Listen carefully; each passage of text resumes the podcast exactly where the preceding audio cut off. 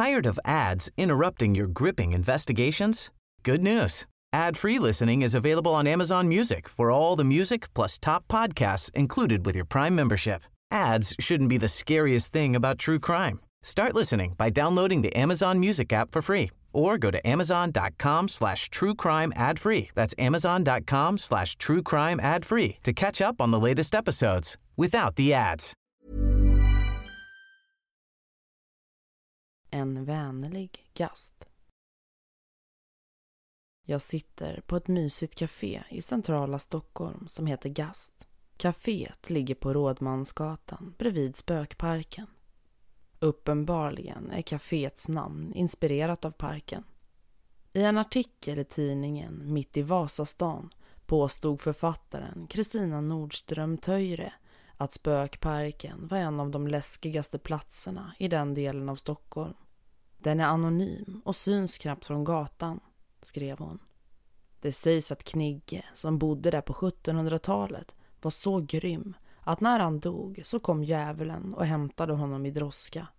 1907 hittades här en omålad enkel kista med järnhandtag och ett orubbat skelett inuti. Sen skrev hon något om fängslande. Tron på spöken är, trots den kusliga aspekten, egentligen romantisk. Den speglar hoppet om att det finns något efteråt och bottnar nog i dödsångest. Medan jag sitter på gast och smuttar på en latte tänker jag på det där påståendet. Jag gillar idén om att det finns ett liv efter döden. Det är också tröstande att tro att man kan få kontakt med det bortglömda som man älskat. Eller? Caféets logga är en liten figur draperad i ett lakan med två hål för ögonen och tandad foll. Det är ett harmlöst spöke. Oskyldigt och gulligt. Om spöken såg ut så där skulle det inte vara så skrämmande att träffa dem. Men faktum är att jag har sett ett riktigt spöke. Och det såg inte alls ut som den där lilla figuren på kaféets vägg. Det hände 1988 när jag var 26 år gammal och bodde i Hoboken i New Jersey, en liten stad utanför New York. En väns familj hade ett hus på Jersey Shore i den lilla förorten Toms River. Ett gäng från Hoboken skulle hyra huset par veckor och min vän undrade om jag ville hänga med. Jag tackade ja med en gång. Det lät som ett mysigt äventyr och det skulle vara skönt att komma bort från Hoboken under de varmaste sommardagarna. Jag gillade Toms River från första början. Trots att jag inte tålde starkt solsken så njöt jag av det sömniga tempot och den friska havsluften. Det var också en bra plats att fokusera på romanen som jag höll på med just då. På den tiden var Hoboken en livlig stad med många musiker och konstnärer. Men trots att Hoboken var så spännande, eller just för att det var så spännande, hade jag svårt att koncentrera mig där.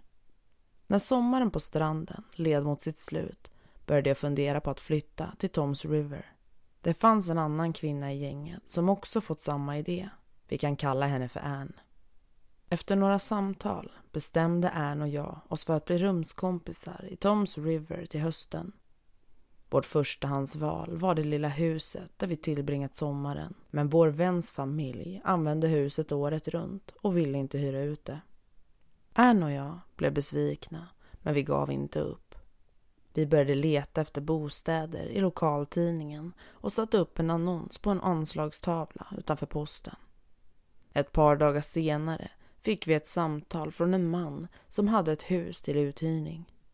Hans familj bodde där på somrarna men han sa att vi kunde hyra huset ifrån september till juni året därpå. Huset var inte i Toms River utan i en närliggande by som hette Island Heights. Hyran var låg, bara 300 dollar i månaden var, ungefär 3000 kronor. Det lät lovande, så Anne och jag åkte till Island Heights på visning. Byn bestod av pittoreska viktorianska hus med stora trädgårdar och huset vi kollade på stod på en kulle som vette mot en vik med en liten hamn. Ann och jag tittade runt i det mysiga gamla huset och när mannen frågade om vi var intresserade sa vi båda samtidigt. Visst. Den första september flyttade jag alla mina grejer från Hoboken till Island Heights. Medan jag körde söderut längs Garden State Parkway sjöng jag med till musiken på radion. Det kändes som om jag påbörjade en ny och lycklig period i mitt liv. Jag hade fel. Tyvärr hade jag glömt att livet i en by vid havet inte var detsamma året om. Somrarna var spännande och livliga med mycket folk och massor av roliga saker att hitta på. Men efter sommarsäsongen åkte nästan alla därifrån och platsen blev ödslig. Så även i Island Heights. När september kom tömdes byn och blev alldeles tyst. Jag såg inte en kotte under min dagliga promenad till byns enda mataffär. En liten hörnbutik som ägdes av en äldre dam. Jag fick inga vänner alls. Inte för att folk var otrevliga, utan för att jag helt enkelt inte mötte någon. Det var det som jag mindes från den tiden. Hur oerhört folktom och tyst byn var. Onaturligt tyst. Det var nog en anledning till att jag och Anne kom varandra så nära. Hon var snäll och rolig och hon gillade att prata om buddhism och andra religiösa filosofier, exakt som jag. Dock hade Anne en hemlig sida.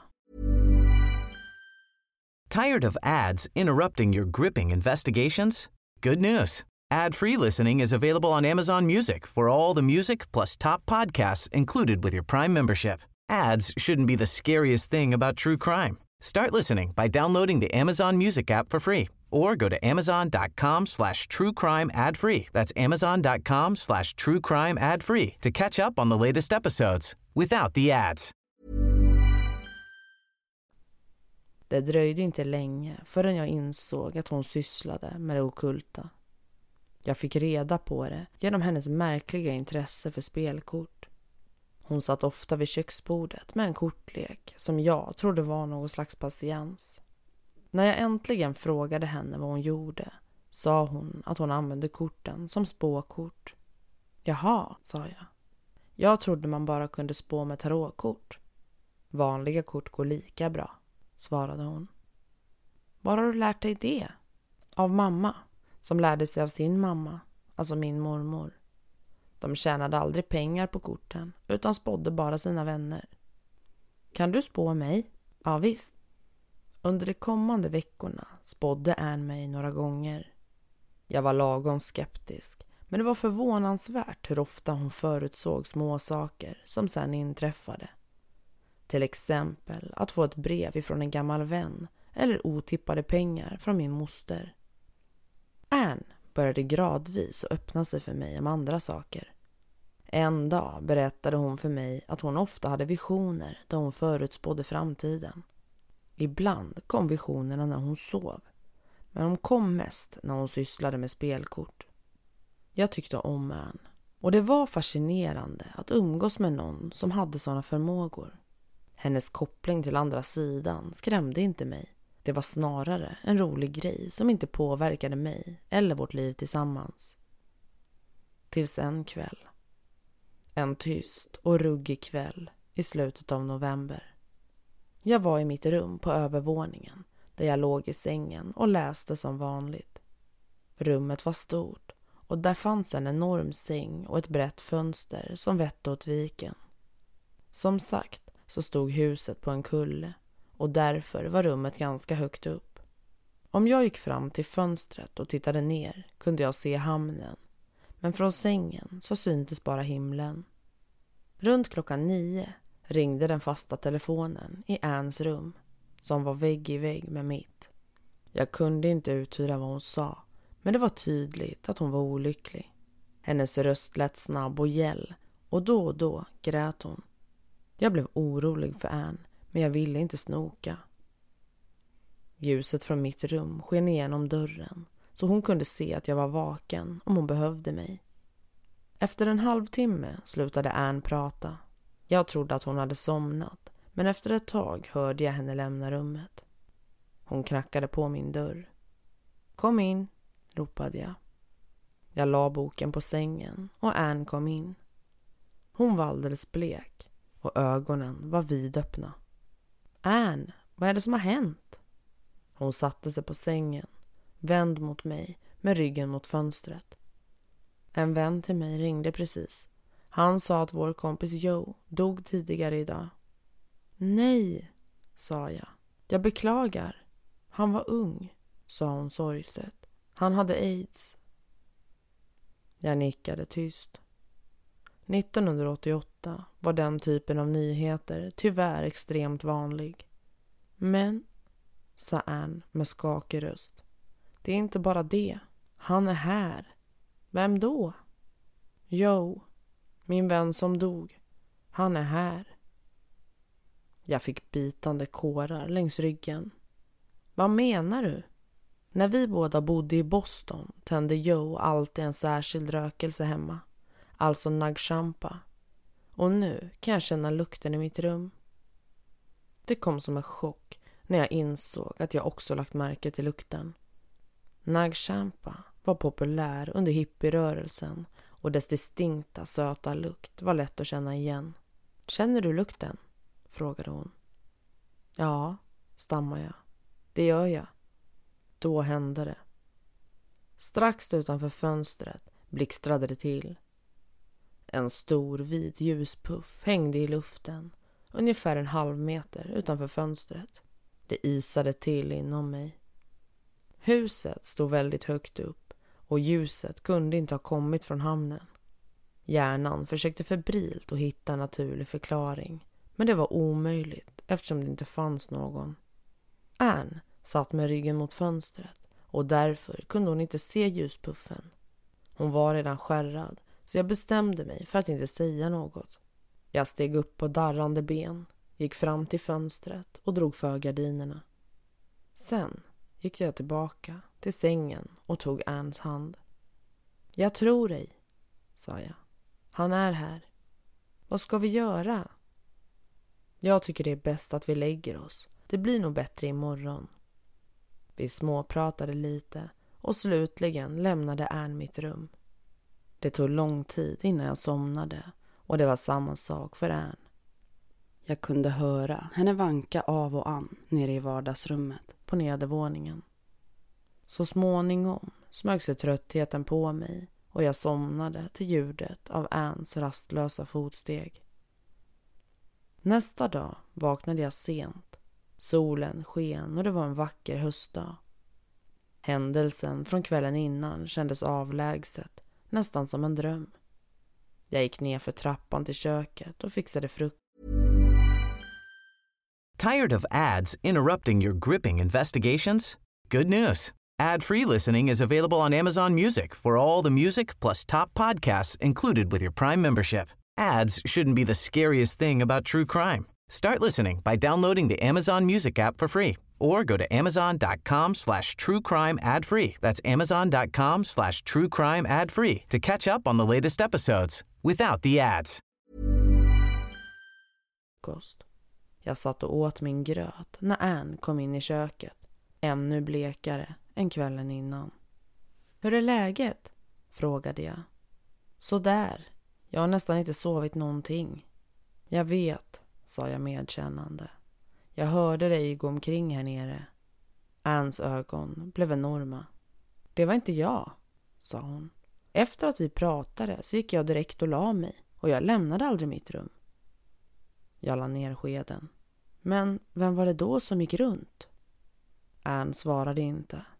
Vi stirrade på varandra och någonting hände inom mig. Det var som om en stöt gick genom hjärtat. Spöken fanns på riktigt och jag hade både sett och hört det. Jag vet inte om Joe någonsin återvände eftersom jag inom kort flyttade tillbaka till Hoboken. Till Ann sa jag att min syster behövde hjälp med sin nyfödde son, alltså min systerson Alexander. Men sanningen var att Anns koppling till andra sidan blev för mycket för mig. Nu är det 2022, alltså 34 år senare. Jag bor inte längre i USA och jag skriver det här från Gastcafé i Stockholm. När jag nu dricker min latte och betraktar den lilla gasten på kaféets vägg tänker jag på upplevelsen i den tysta byn. Joe var en vänlig gast som gjorde oskyldiga saker. Det låg något glatt över hans ljuspuff och hans vankande på nedervåningen var mer lekfullt än ont. Det kändes som att han bara ville prova sin nya förmåga att resa utan sin kropp. Kanske ville Joe också visa Anne att han fortfarande existerade, åtminstone på något sätt, och att hon inte behövde vara så ledsen. En sak oroar mig dock. Vad skulle ha hänt om Joe inte tyckte om Anne? Vad skulle han ha gjort med sina nya förmågor om han velat göra henne illa? Jag tittar ut genom kaféets fönster mot spökparken. Jag funderar på spökena där. Har de samma förmågor som Joe, trots att de dog för länge sedan? Jag tänker särskilt på Knigge, mannen som var berömd för sin grymhet.